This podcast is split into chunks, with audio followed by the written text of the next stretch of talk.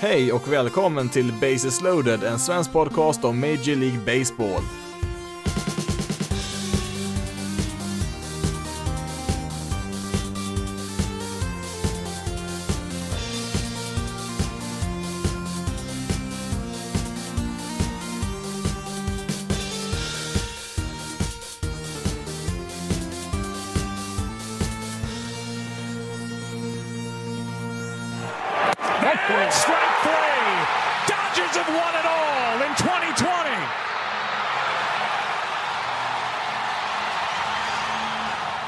Hej och välkommen till veckans avsnitt av Bases loaded, en svensk podcast om Major League Baseball. Och så där lät det ju då när säsongen 2020 tog slut, när Dodgers besegrade Rays i årets World Series med 4-2 i matcher. Första titeln för Dodgers sedan eh, 1988 med Kirk Gibson och gänget där. Eh, 32 år sedan alltså var det ju senast eh, som Dodgers vann, så att det var ju på tiden eh, tredje gången de är i en World Series på fyra år, så det, det har ju varit eh, nära några gånger här och till slut då så gick det ju vägen. Eh, eh, visst, det var ju inte riktigt en vanlig säsong i år, men eh, ja, jag tycker inte man direkt kan påstå att den här segern är värd något mindre än något annat år. Visst, eh, eh det finns väl kanske en liten parentes bredvid årets säsong, absolut, även om man kollar på slutspelet eh, så, men eh, Ja, i det stora hela så tycker jag den här segern är minst lika mycket värd som de andra World Series-titlarna innan den här också, alltså Eh, det, det var samma förutsättningar för alla lag, eh, även om det var en kortare säsong. Eh, det var det absolut. Sen så visade det sig att det var Dodgers som var det starkaste laget där och vi hade ju för övrigt då de två bästa lagen i år som gick hela vägen till, till årets World Series. Alltså Rays och Dodgers hade ju bäst record i American League och National League. De var ju första sidare då och kollar vi på vilka lag som gick till slutspel så Ja, alltså visst, det, det, det finns väl ett par lag som man skulle kunna argumentera för kanske skulle ha varit med här egentligen då, bland de 16 bästa, men i regel så var, var de bästa lagen med här och eh, som sagt då, det är de två bästa lagen då, i alla fall då om man kollar på record som, eh, som eh, gör upp om det här i slutet, så att eh, jag tycker inte man ska nedvärdera årets titel på något sätt här. Alltså visst, hade det visat sig att, eh, att det hade blivit till exempel Marlins mot Blue Jays i årets World Series, ja då hade man kanske kunnat eh, fundera lite grann på hur man ska eh, värdera den här säsongen, men eh, nu hade vi faktiskt eh, två utav de absolut bästa lagen, hur man än vrider och vänder på det, så att eh, Eh, nej, Dodgers är klart eh, värdiga vinnare och jag tycker absolut inte man ska nedvärdera den här titeln på något sätt bara för att eh, det var en kortare säsong. Det tycker jag inte, utan det, det var nog på många sätt en svårare säsong också med tanke på de förutsättningar som fanns här. Sen visst, man kan ju argumentera för att eh, grejen med en baseballsäsong är att den är lång och hård, att eh, det blir mycket skador och man ska liksom klara sig igenom månad efter månad med matcher dag efter dag efter dag så. Det, det är väl lite grejen också med en MLB-säsong såklart, men eh, Eh, samtidigt är det något lag som eh, är i en bra position att hantera en lång och eh, slitsam säsong där det är mycket skador och sånt, ja då är det väl Dodgers då som har mycket Ja, de har ju mycket kvalitet på bänken och i AAA också såklart. Alltså många av deras bänkspelare skulle vara givna i de flesta andra lagen i MLB, så att eh, på sätt och vis så kanske det var bra att Dodgers vann här, för att eh, det visar väl på något sätt att eh, den här säsongen inte var helt slumpmässig när det var så få matcher som det var här. Eh, men det bästa av allt, eh, det är väl då framförallt eh, Clayton Kershaw. Det tror jag nog till och med de flesta Ray-supporterna innerst inne skulle kunna hålla med om att det, det var ganska skönt att få se honom äntligen vinna en titel eftersom många misslyckade slutspel för honom med, Dodgers här. Man kunde ju se där på reprisbilderna när man fick sista outen här i matchen, i match 6 och när man avgjorde i, i deras bullpen då, där Kershaw stod. Första reaktionen var ju inte nödvändigtvis att liksom vråla ut i glädje där och springa ut på planen och fira så snabbt som möjligt, utan det var Alltså visst, det var ju glädje, men blandat också med väldigt mycket lättnad skulle jag tro från Kershaws del där. Alltså att det, det måste vara en väldigt stor vikt som har lyfts av honom här nu med tanke på hur, hur eh, diskussionen har gått kring hans eh, prestationer i slutspelet och eh, Ja, nu i år så har han ju faktiskt kastat ganska bra även i slutspelet. Eh, Det var väl någon match där som såg mindre bra ut, men eh, eh nu kan man ju inte beskylla honom för att eh, han aldrig får det gjort i slutspelssammanhang, utan nu har han ju sin World Series-ring oavsett vad man tycker och tänker om honom är och Eh, visst, man kan ju inte helt ignorera hans eh, svårigheter i slutspel, det kan man absolut inte göra. Det är ganska tydligt att han har ett eh, sämre resultat i slutspelssammanhang, men eh, ja, nu kan man ju släppa det lite grann i alla fall och eh, han är väl, ja, alltså jag kan inte komma på någon annan aktiv spelare som är mer förtjänt utav att få vinna en World Series-titel som han gjort här nu. Eh, nu riskerar han ju inte längre att gå igenom sin karriär liksom som eh, sin generations bästa pitcher utan att vinna en titel. Det, det finns ju några sådana spelare som är liksom helt solklart den, den bästa spelaren under många, många år på sin position eh, utan att eh, sen kunna ta sig hela vägen och vinna en World Series-titel. Det finns ju några sådana namn som sagt eh, tidigare under historien. Eh, men eh, Clayton Kershaw kommer ju inte att vara en utav dem då som sagt, utan vi får kanske blicka mer mot, ja, Mike Trout då, kanske nästa namn på listan här. Han får vi se om han kan få det gjort här framöver, eller ja. Eh, Trout själv kan väl kanske inte göra så mycket mer, alltså han har ju bokstavligt talat den bästa starten eh, på en MLB-karriär genom hela baseballhistorien, så att eh, det är väl mer på Angels det ligger att bygga ett kompetent lag runt omkring honom och ja, innan vi börjar prata om World Series-ringar så kanske det är dags att ta sig till slutspel.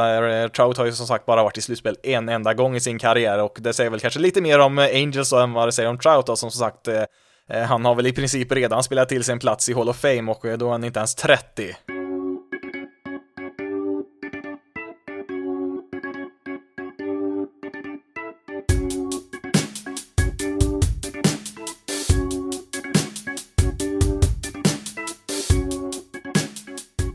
Tittar vi då tillbaka på hur den här serien gick då och i årets World Series då, som spelades i totalt sex matcher så tycker jag ändå att det tog ett tag innan, eh, innan den fick en ordentlig karaktär här, alltså serien. Eh, de första tre matcherna, alltså det var ju bra spel och så, men det kändes som att eh, ja, den här serien stack inte ut på, någon, på något sätt så, utan det fanns en viss risk att det här skulle kunna bli en bortglömd World Series som liksom var en liten fotnot i coronasäsongen liksom, alltså eh, hela säsongen 2020 buntades ihop till en enda stor händelse där man spelade utan publik och neutral plan i, i slutspelet. Alltså det fanns ingen riktig klockren story här för, eh, för det här mötet då. Alltså visst, Randy Rosarena, men ja, han var väl egentligen en story för hela slutspelet, inte bara eh, den här serien. Eh, det var väl lite snack så här om Eh, Eh, att det var storebror mot lillebror här, alltså David mot Goliat. Alltså vi har Dodgers som har obegränsat med pengar mot Rays alltså, som har en väldigt begränsad budget då, eh, trots att de här två lagen eh, tänker på väldigt lika sätt och två väldigt analytiskt inriktade lag så, så har de ju ändå väldigt olika förutsättningar. Så det var väl en liten storyline här, men det var inget på planen man kunde prata om direkt så, så att på så sätt så var det väl en, lite av en besvikelse där de första tre matcherna. Det fanns liksom ingenting på planen direkt att eh, Ja, nej men alltså inte någonting direkt värt att eh, påpeka från den här serien då, om man kanske sitter 10-20 år i framtiden och tittar tillbaka, alltså vad var det som hände där 2020 där mellan Race och Dodgers? Eh, första tre matcherna, då, då fanns inte så mycket att eh, eh, ta med sig egentligen, alltså som man kan blicka tillbaka till om 10-20 år i framtiden. Men sen så kom ju då match nummer fyra och ja, herre jösses vilken match det blev där. Jansen. That is into center field.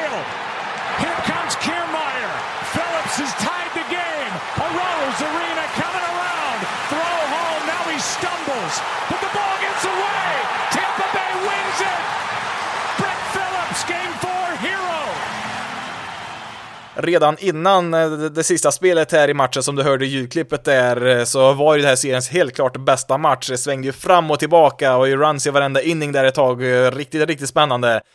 Men när jag satt där och kollade där inför nionde inningen där, Dodgers ledde med 7-6 och såg väl ut som att de kanske skulle klara det här och ta en ledning med 3-1 i matcher, så kändes det ändå som att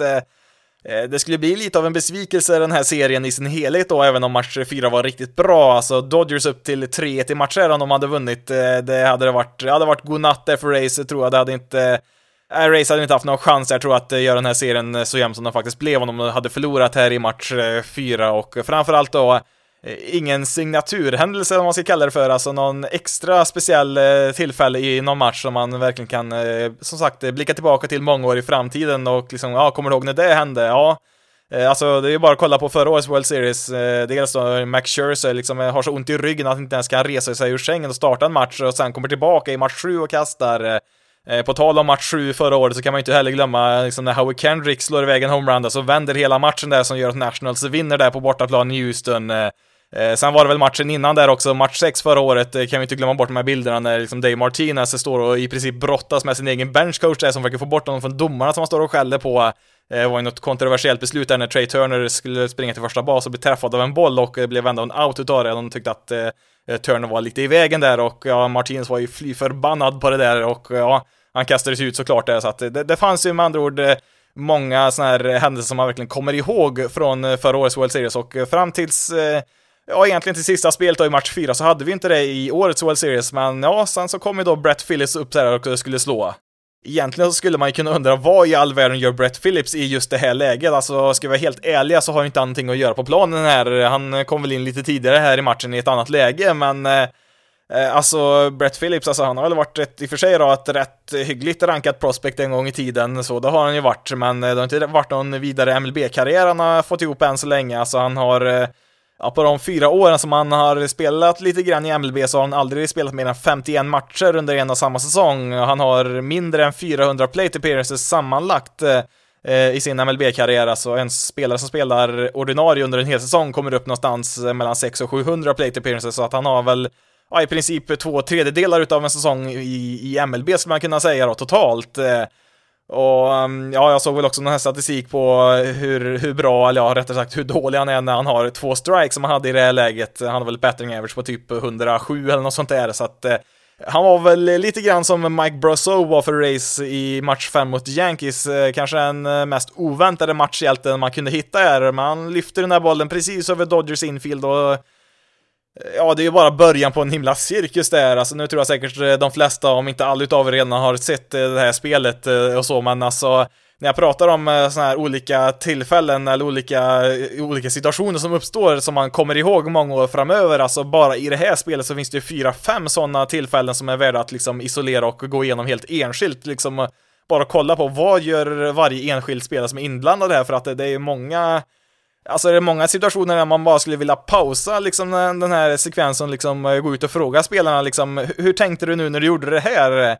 Alltså Chris Taylor missar ju totalt bollen där när han ska fånga den i Dodgers outfield och eh, skickar ju hem bollen sen där när Max Muncy kommer in där och ska ställa sig i vägen och eh, han skulle ha en cut-off man där och eh, skicka iväg bollen då till Will Smith då som är catcher som, eh, ja i sin tur missar ju bollen där, han får inte tag på den alls och och Rosa Reyna, han stuper ju över tredje bas där i princip och ser ut att liksom åka ut med jättestor marginal där, men ja, Smith han får ju som sagt inte tag i bollen och Kenley Jansen, vart är, vart är han någonstans i, i allt det här? Eh, han sätter sig på huk där och är liksom frustrerad när han tillåter den här hitten och eh, kommer inte på att uh, han kanske ska hjälpa till någonstans på planen. Eh, sen har jag sett en del som har kritiserat honom för att han inte stod bakom Will Smith där och hjälpte honom när han tappade bollen där, men eh, ska jag vara helt ärlig så hade nog inte det hjälpt för att, eh, ja, som sagt, om du har sett eh, spelet så vet jag vad jag pratar om här nu, men eh, med tanke på vart bollen kom ifrån så hade nog Jensen stått till vänster om, om Will Smith och hjälpt honom där med tanke på vart bollen kom ifrån då. bollen den rann ju iväg åt, mer åt högersidan så att det hade inte spelat någon roll om Jensen hade stått där han skulle ha stått i det läget så hade han inte hunnit till bollen där innan Eh, Arose Arena gled in där och avgjorde matchen. Eh, så att visst, man kan kritisera honom för att han inte tar sig till rätt plats eh, i tid där, absolut. Men för matchens utgång så hade det inte spelat någon större roll tror jag där faktiskt, även om Jensen hade varit där han skulle stå. Även om Dodgers då kommer gå vidare och bli mästare så är det just från den här situationen, alltså är det en bild jag kommer komma ihåg från hela den här serien så är det ju när Ja, det är väl när Rose Arena nästan gör ett magplask där och med nöd och näppe glider över med händerna på hemplattan där, minsta möjliga marginal kommer hem där och liksom klappar hemplattan med handen där. Det är liksom, eh, ja, det är den starkaste bilden man har här, även om Race då inte vinner serien och samtidigt också då se när Brett Phillips då springer runt helt hysteriskt där och blir jagad av sina lagkamrater. Han, eh, han tar ut sig så mycket där när han firar att han var tvungen att ge en syrgas där i omklädningsrummet efteråt och Eh, det är ju som sagt eh, helt klart den bästa matchen i serien, bästa matchen ja, på hela säsongen måste det ju vara. Det är väl de som har diskuterat om, är det här den bästa World Series-matchen någonsin? Ja, det, ja, det kanske är lätt att säga när man har matchen färskt i minnet så kanske inte riktigt har lika bra minne över tidigare matcher. Det, det går som sagt att diskutera, men eh, skulle man säga den mest underhållande World Series-matchen någonsin, ja, där tror jag nog vi får svårare att hitta en bättre för att Eh, Eh, det var ju en riktigt, riktigt bra match redan innan den här galna avslutningen. Alltså hade Dodgers stängt matchen här i nionde inningen och vunnit med 7-6 så hade det fortfarande varit en väldigt, väldigt bra match. Kanske en av årets bästa redan där, men eh, det här var ju bara en bonus kan man säga som gjorde att eh, det blev något extra speciellt här och mm, ja, som sagt om match 1, 2 och 3 inte bjöd på speciellt många minnesvärda stunder så ja, då hade vi precis allt istället i match 4.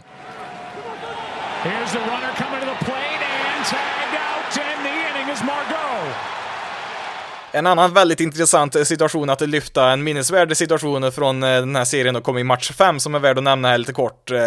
Det var i fjärde inningen där när man hade två outs hade Race då, de hade två base runners också, framförallt då Manuel Margot stod på tredje bas och Ja, han börjar helt plötsligt springa mot, eh, springa hem och försöker sno hemplattan där när Kershaw står och ska göra sig redo att kasta mot, eh, det är väl Kiermaier som står och ska slå. Och ehm, ja, han åker ut med minsta möjliga marginal, men jag tycker ändå att eh, det, är ganska, eller jag tycker ändå att det är helt rätt att han försöker det, för eh, Alltså Rays har ju haft det så väldigt svårt att eh, producera runs i slutspelet. De har ju levt mycket på sin pitching såklart, men nu ledde ju Dodgers här i det här läget med 3-2 och ja, man får ju ta chanserna när man får de här och nu mötte man ju dessutom då Kershaw som, har, som var väldigt bra här i matchen, så att Eh, Eh, ja, han, tog väl eh, lite grann eh, sakerna i egna händer där och försökte få till någonting här och det är ju nära att han faktiskt lyckas med det här. Han gör det ju så perfekt man kan göra nästan. Alltså Dodgers har ju då ett shift här mot Kiermaier som gör att Justin Turner då står, han står ganska långt ifrån tredje bas, så att Margot kan ju få ett rejält försprång då till en början. Sen då har vi då Kershaw som kastar, han är ju vänsterhänt, så han har ju ryggen mot Margot, så han ser ju inte hur, hur långt Margot står ifrån tredje bas här. Och han ser ju inte heller då när han börjar springa först, utan eh, det är ju Max Muncy på första bas som får skrika på Kershaw att eh, eh, han är på väg hem där. Och eh, samtidigt då när Kershaw hör det här så eh, han har, ju en, han har ju för vana att eh, precis innan han ska kasta så brukar han ju hålla bollen rakt ovanför huvudet, alltså han står med rakt långa armar uppåt. Det är inte direkt någon optimal position att slänga iväg bollen från, så han måste ju ner med armarna, sen måste han ju kliva av där för att inte orsaka en båk där, så att Kershaw måste göra allting perfekt där för att liksom eh, Margot, han är ju uppe i full fart här när Kershaw märker det här och ja, mycket riktigt så kliver han ju av där lugnt och fint och får iväg bollen till Austin Barnes då, som är catchern som eh, precis får ner handsken där framför, framför hemplattan där och eh, får ut Margot där. Det är, det är inte många centimeter det har att göra om där, liksom är det en tiondel snabbare reaktion där från, eh, från Margot eller en tiondel eh, segare reaktion från Kershaw så är ju Margot, eh, ja då är han eh, inne där och har kvitterat matchen till 3-3 så att eh, jag tycker ändå att det, var värt chansen här, även om de misslyckades. Alltså, det var verkligen perfekta omständigheter för Margot, liksom ingen försvarsspelare i närheten och så en vänsterhänt pitcher med ryggen emot där, så att eh, eh, ja, jag tycker, ändå, jag tycker ändå om det beslutet han tar här. Sen såklart eh, så ska ju mm, Dodgers då, eller ja, Kershaw och eh, eh Austin Barnes och även Max Muncy då, som varnar Kershaw här, har beröm för att de gör det väldigt, väldigt bra här. De vinner ju sen Dodgers då med 4-2 den här matchen, så att Eh, Eh, hade Margot lyckats här och kvitterat till 3-3, ja, vem vet, eh, kanske jag hade haft en 3-2-ledning i matcher till race här inför match 6 då, men ja, så blev det ju inte.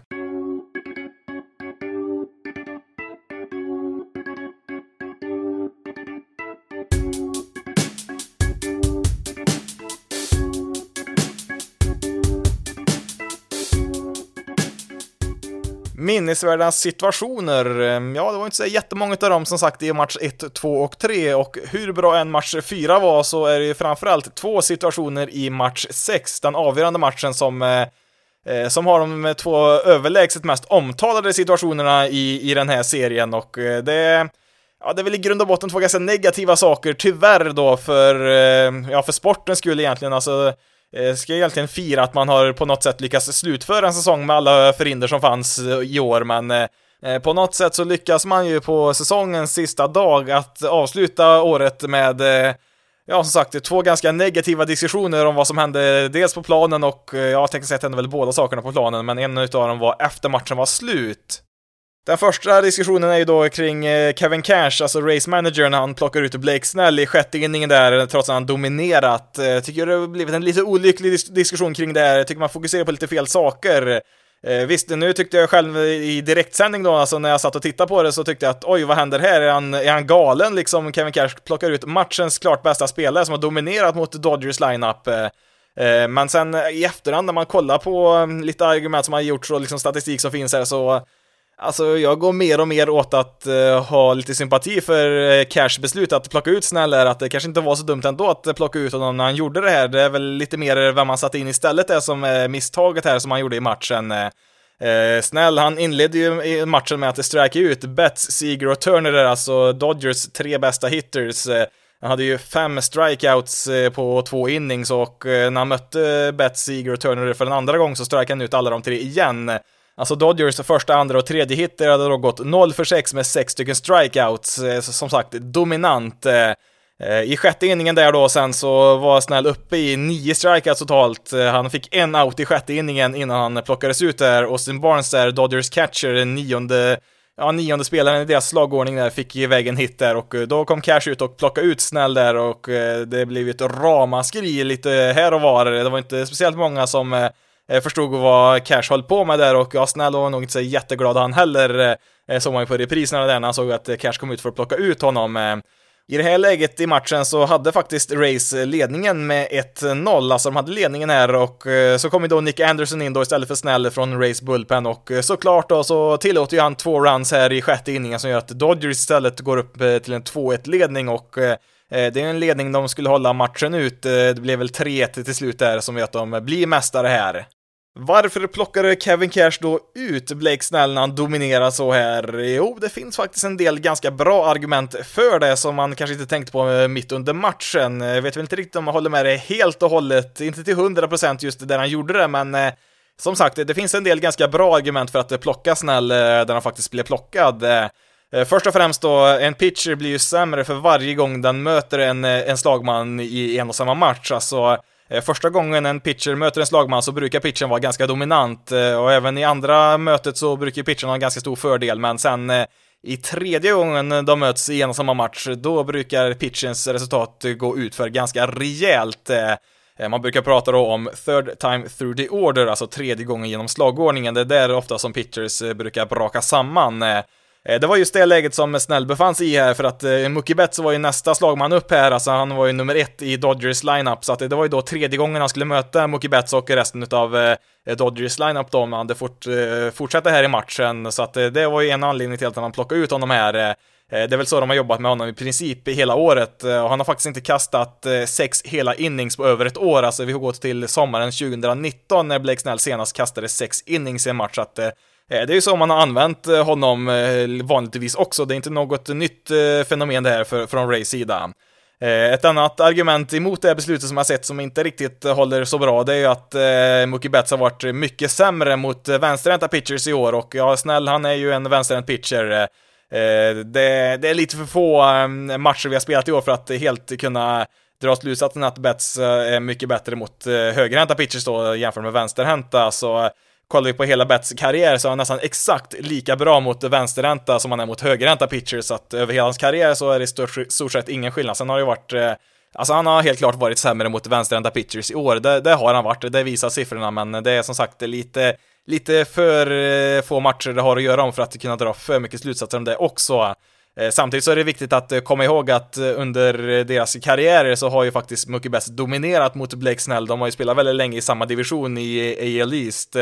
Eh, så att i, i, den matchen där så är ju då Mookie Betts helt klart att som har fördelen. Sen visst, i just eh, match 6 här då så har ju Snäll dominerat. Han har ju strikat ut Betts två gånger där, men genom eh, hela deras karriär så har ju Betts varit mycket, mycket bättre i det här mötet och då då kanske man hellre ska kolla på resultatet över lite fler möten då mellan de här två än bara de här två mötena i just den här matchen. Men det största argumentet för att plocka ut honom när man faktiskt gjorde det, det var att eh, när vi kollar på lite siffror och sånt här så såg det faktiskt ut som att han var på väg att ta slut där. Alltså, det låter ju konstigt med tanke på hur dominant han har varit och hade bara kastat 73 kast här i matchen. Det är inte så jättemycket. Eh, men vi kan kolla tillbaka först då till match två när Snäll också startade. Mm, då fick han faktiskt chansen den gången att eh, möta Dodgers lineup en tredje gång. Eh, det slutade med att han tillät en walk till Mookie Betts och en single till Corey Seager där innan han byttes ut och eh, deras eh, ja, deras eh, bullpen fick eh, lösa resten av eh, den inningen där. Så att Cash hade ju sett det här förut, vad som hände när han lämnade kvar Snell mot Dodgers lineup en tredje gång, så att han ville väl inte upprepa det här. En annan sak då som indikerar att han var på väg att ta slut, det är att under större delen av matchen så kastade han sin fastball runt 96-97 miles per hour Eh, hans sista fastball som han kastade i matchen eh, till Austin Barnes då, eh, den var nere i 94 miles per hour och det är ju ett ganska gott tecken på att en pitcher börjar ta slut när hastigheten går ner sådär mycket och med mindre hastighet så blir det såklart lättare för motståndarna att få till en hit mot honom här. Eh, sen får vi inte glömma bort heller att eh, även om han hade mycket strikeouts här i matchen snäll så eh, var det så att de fem sista motståndarna han mötte i matchen satte bollen i spel, alltså fick ut bollen på planen någonstans. Sen var det ju visserligen bara en av dem som Eh, resulterade i en hit, men eh, det fanns ändå ganska många varningsklockor där som visar att Snäll eh, var på väg ut för det här och med en baserunner då på första bas och dags för Mookie Betts, Corey Seager och Justin Turner, ja då bestämde sig väl Kevin Cash att Eh, inte upprepa händelserna från match två där och plocka ut honom där innan han fick möta Dodgers lineup en tredje gång. Rätt eller fel beslut då? Ehm, ja, det är såklart lätt att vara efterklok, det är det ju alltid, men ja, trots allt jag sagt det så måste jag ändå säga att jag tycker att det var fel att plocka ut honom just där, alltså jag skulle nog ändå vilja ge en chansen där snälla, att eh, i alla fall få möta en slagman åt gången här, att få chansen att kunna ta sig ur sjätte inningen här. Jag hade nog velat se honom få möta Mookie Betts där och sen beroende på hur det gick där då, låta honom fortsätta eller byta ut honom där. Hade han fått ut Mookie Betts så hade han nog kanske även gett honom chansen mot eh, Corey Seager sen. Eh. Eh, hade däremot Mookie Betts kommit ut på baserna där mot Snell så hade nog plockat honom direkt där. Så att visst, jag hade nog inte hållit kvar Snell speciellt länge till i matchen där, högst två outs till där innan hade bytt ut honom, men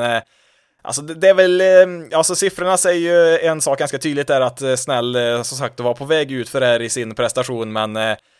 det är väl ehm, det är lite andra saker inblandat också, alltså det är väl lite psykologiskt också att Dodgers-spelarna, de har ju liksom inte, ja de har varit helt chanslösa mot honom i matchen här, så det måste ju sitta lite i huvudet där att de har inte haft en chans mot honom hela matchen här. Istället då när de får möta en ny pitcher lite oväntat så, eh, ja men då kan de liksom nollställa där och tänka att ja men nu glömmer vi snäll och så börjar vi om från början här mot eh, nästa pitcher och se om vi kan eh, komma åt honom här. Dodgers-spelarna sa ju själva efter matchen att de var ju jätteglada över att få se Snäll komma ur matchen. De skämtade ju om att det var ju deras plan att få ut honom här i sjätte inningen. Sen så var det väl inte direkt så att de själva fick ut honom, utan det var ju Ja, det var mest Race själva som tog det beslutet oavsett Dodgers prestationer i matchen. Det största misstaget i den här situationen är därför inte att plocka ut Snell där de faktiskt gjorde det. Det fanns eh, som, eh, som sagt en viss logik bakom det där, även om man kanske inte håller med till 100% där. Men det stora misstaget är att man sätter in Nick Anderson. Eh. Alltså under grundspelet de senaste två åren så är kanske Nick Anderson den bästa relief pitchen i hela MLB, men i slutspelet så har han varit totalt värdelös. Alltså innan den här matchen så hade han tillåtit minst en run i sex slutspelsmatcher i rad. Eh, det blev ju då som sagt en sjunde här då i, i match 6 då, så att jag förstår inte riktigt varför man slänger in honom här. Alltså visst, han har varit en av de mest dominanta relief pitchers som jag sett de senaste två åren i grundspelet. Eh, jag vet inte om han har blivit lite överarbetad där i slutspelet, han har kastat ganska många innings, så att det kan väl nog vara så att han är ganska trött i armen. Vi har ju sett att hans hastighet är lite lägre än vanligt och även hans rörelse på hans kast, alltså hur mycket bollen skruvar sig åt olika håll, har också minskat som gör att han Eh, en mindre effektiv pitcher, i alla fall nu på slutet här, och eh, det måste ju även Race ha sett som är ganska duktiga på att analysera sina spelare på alla möjliga sätt. Eh, som sagt, jag förstår inte varför man fortsätter att lita på honom här, alltså de har ju så himla många alternativ i sin bullpen och så går de till den pitchen då som har tillåtit en run sex matcher i rad i slutspelet. Jag förstår inte riktigt hur de tänker där. Det finns säkert någon bra förklaring som ligger bakom där som, som vi inte har tillgång till, men Nej, alltså mm, det var väl för övrigt ett rekord också som han slog här, Nick Anderson, eh, när han tillät runs då för en sjunde match i rad i slutspelet. Det tror jag faktiskt inte har hänt förut. Eh, som sagt, att plocka ut Snäll i det här läget, eh, det kan man försvara och argumentera för, även om man inte kanske håller med till 100%. Det kan man ju göra, men att sätta in Nick Anderson här, det, det, jag hittar inget som helst argument för att försvara just det beslutet från Cash sida, så att Eh, visst, nu kan man ju inte veta helt säkert eh, om det hade gått bättre om Snäll hade fått fortsätta kasta eller om de hade satt in en annan relief pitcher också, men eh, nej, jag har väldigt svårt att svälja det beslutet att sätta in Nick Anderson av alla personer i just det här läget. Den andra stora snackisen kring match 6, det var ju vad som hände efter matchen när Dodgers firade sin titel där på planen och då var det så här att redan i den andra inningen utav matchen så fick MLB reda på att Eh, ett eh, covid-19-test då som de gjorde på Justin Turner hade kommit tillbaka och visat, att, eh, ja de kunde inte visa om han var smittad eller inte. Det här har faktiskt hänt ett par gånger under grundspelet också, fast då har det väl varit innan matcher man märkte att man fick tillbaka ett svar då som man inte visste om de var smittade eller inte och vid de tillfällena så sköt man ju upp matchen till senare under dagen då tills man kunde göra ett nytt test och få fram svar då innan de fortsatte att spela. Nu var ju den här matchen redan igång då när man fick reda på det här, så att det, var väl lite krångligare kanske att eh, skjuta upp den här matchen då, som redan var igång. Eh, eh, men man hade ett till test man kunde köra där på honom där under matchen och någonstans i sjunde inningen där så kom ju svaret där att det var en positiv diagnos där för covid-19 på Justin Turner, alltså han var drabbad utav det så att han fick man ju plocka ut då inför åttonde inningen där och sätta honom i isolering. Nu kanske man kan fråga sig varför man får fortsätta spela när man vet att en spelare som har varit på planen eh, kring andra spelare har testats positivt. Eh, men ja, samtidigt eh, kan vi köpa den förklaringen som de gav också att ja, skadan var väl egentligen redan skedd för spelarna på planen så att det spelar väl inte så himla stor roll att spela klart den där matchen. Hade väl blivit lite krångligare om de skulle vara tvungna att spela en match 7 då, men ja, som sagt, det kan vi inte klaga för mycket att man spelar klart matchens två sista innings här. Såklart riktades ju mycket sympatier då till Justin Turner då, dels för att han eh, hade en positiv eh, covid-19-diagnos, men kanske framförallt att han eh, var tvungen att sitta i isolering då och inte kunde vara med och fira på planen där med sina lagkamrater. Det var såklart synd om honom där, men den där sympatin, den försvann ganska snabbt och blev istället ilska riktad mot honom där för att Eh, vad som hände exakt efter matchen var slut, eh, det vet jag väl inte till 100% men det vi vet det är väl att eh, Eh, Turner, han hade väl sagt till eh, de säkerhetsvakterna som fanns där från MLB att eh, nej, jag tänker inte sitta i isolering här, jag ska ut på planen och fira. De försökte väl stoppa honom där och säga att nej men eh, du, du har ju liksom eh, du är ju drabbad av covid-19, du kan ju inte vara bland folk så, men nej, han tvingade sig förbi där, jag vet inte om det var någon fysisk eh, konfrontation där eller inte, men han vägrade ju att finna sig i vad, vad reglement och säkerhetsvakterna sa där, så att han tog sig ut på planen där och skulle fira och Eh, visst, nu hade de väl masker på sig för det mesta där, eh, men han, han gick runt och kramade folk, han kysste sin fru där och så satt han ju, ja, de tog kort med pokalen där, ett sånt här lagfoto som de brukar göra, så då tog han ju av sig masken där och eh, satt och poserade där bredvid Dave Roberts då, deras manager, som dessutom har haft cancer tidigare i livet, så, som gör att han är en, en extra utsatt riskgrupp där, så att jag vet inte riktigt var man ska börja här, alltså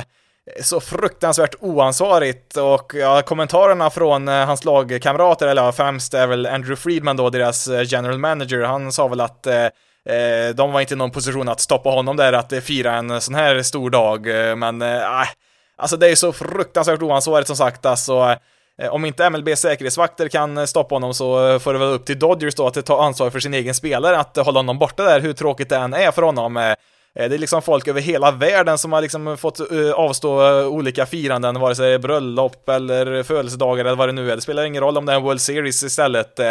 Alltså till och med folk som är friska har ju fått leva i större delen av det här året med, med ett i någon utsträckning begränsat samhälle som stängt ner i olika grader. Ja, jag förstår inte riktigt, eller ja, jag förstår väl att han vill vara på planen och fira, det förstår väl vem som helst att, att han vill vara med där ute, men som sagt, när liksom friska människor får tänka sig för liksom eh, extra mycket kring vilka aktiviteter de deltar i liksom under större delen av året så ja, man kan ju inte bli annat än förbannad när man ser en person då som Turner i det här fallet som faktiskt vet att han eh, är eh, utsatt för covid-19 då, går runt och liksom som sagt firar som ingenting har hänt där. Han är liksom i nära och liksom i liksom kroppskontakt med flera personer där på planen och ja, han går ju runt med eh, pokalen där också, liksom som jättemånga går runt och lyfter omkring och sådär, så att eh, Eh, och även om Dodgers själva säger att ja, men vi vill ha någon där, vi, vi tar den risken, alltså det, det kan inte de liksom bestämma själva. Det är ju massa folk som jobbar där, alltså de som sköter eh, tv-kameror, de som sköter planen och alla liksom funktionärer, alla ja, familjemedlemmar till folk som är där och eh, ja, representanter från MLB, alltså Rob Manfred och ja, det är säkert en del andra som är runt omkring där från MLB som eh, var med i firandet, så att eh, Visst, det är mycket möjligt att det, inte blir något värre än så här, alltså att det inte sprider sig något mer än vad det redan har gjort där och att ingen blir allvarligt sjuk. Förhoppningsvis så blir det ingen som blir det i alla fall, men eh, som sagt, eh, så extremt eh, själviskt tänkt här alltså. Eh, jag förstår ju som sagt att han vill fira här med de andra, det, det förstår ju vem som helst, men eh, i en sån här situation, eh, det det Ja, det varken är eller ser bra ut eh, från något håll här och eh, MLB har väl kommit ut och sagt att de har inlett en utredning här på vad som faktiskt hände och eh, han kommer väl förmodligen att eh, få någon form av avstängning då till nästa säsong. Jag har ingen aning om hur många matcher det kan röra sig om, men någon avstängning lär han väl få och eh, det kan man väl tycka att han förtjänar också. Jag kan väl tänka mig också att han kommer kanske inte vara den mest populära spelaren i, i MLB nästa år eh, heller kanske. Eh, kanske inte kommer vara riktigt Eh, Eh, så, eh, ja, så hatat som en del Astros-spelare är. Riktigt den nivån kanske det inte kommer upp i, men Eh, eh han har väl mer än förtjänat ihop ett och annat burop när säsongen börjar nästa år då, förutsatt att det finns någon publik då på läktarna. Nu kan jag säkert sitta och prata hur länge som helst här om hur idiotiskt det här beteendet är från Justin Turner, men vi kan väl lämna det här med att Ja, det är ju typiskt på något sätt att eh, på sista dagen av säsongen så händer en sån här grej. Alltså det har ju varit en eh, säsong som har kantats av negativa rubriker under en ganska stor del av året, eh, framförallt då innan säsongen väl kom igång där när det var förhandlingar fram och tillbaka mellan spelare och ägare. Sen eh, ja, kom ju säsongen äntligen igång där och eh, ja, det var väl inte perfekt där i början framförallt, eh, men så har man ju ändå kommit där till slutet då, att ska liksom äntligen få fira. Kershaw har vunnit sin första World Series-ring, första titel för Dodgers på över 30 år och så blir den stora storyn istället eh, en ny negativ historia då om eh, Justin Turners då väldigt oansvariga beteende här så att eh, Nej, det lämnar ju som sagt en ganska bitter eftersmak i munnen att det ska behöva sluta på det här sättet att eh, den största nyheten från eh, årets World Series, eh, det var vad som faktiskt hände efter själva matchen var över så att eh, Ja, nej, vi får helt enkelt eh, ta nya tag och sikta mot nästa år istället och hoppas på att eh, världen är på en bättre plats än vad den är just nu.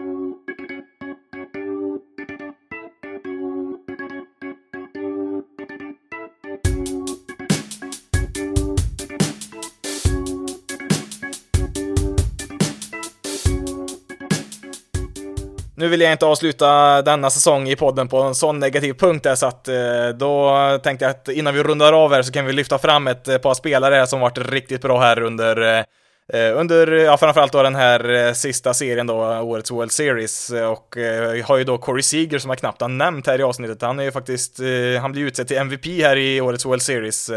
En slashline på 400, 556, 700, alltså betting average på 400 och en on-base percentage över 500. Det är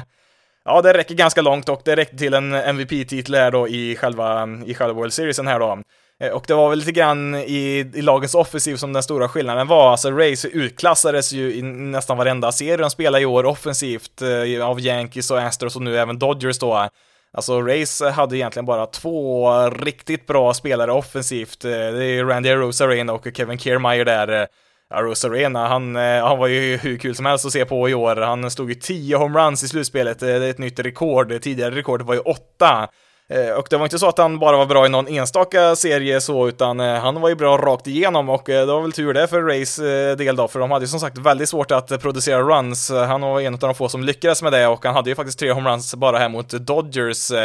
Eh, tror att om han hade slagit eh, homeruns i samma takt under 162 matcher då, under en grundsäsong så hade han kommit upp i 75 homeruns, så att eh, det var ett vansinnigt tempo han slog iväg de här i eh, under oktober där, så att eh, han har ju absolut varit en av slutspelets eh, eh, ljuspunkter, även om det inte blev en titel för honom här.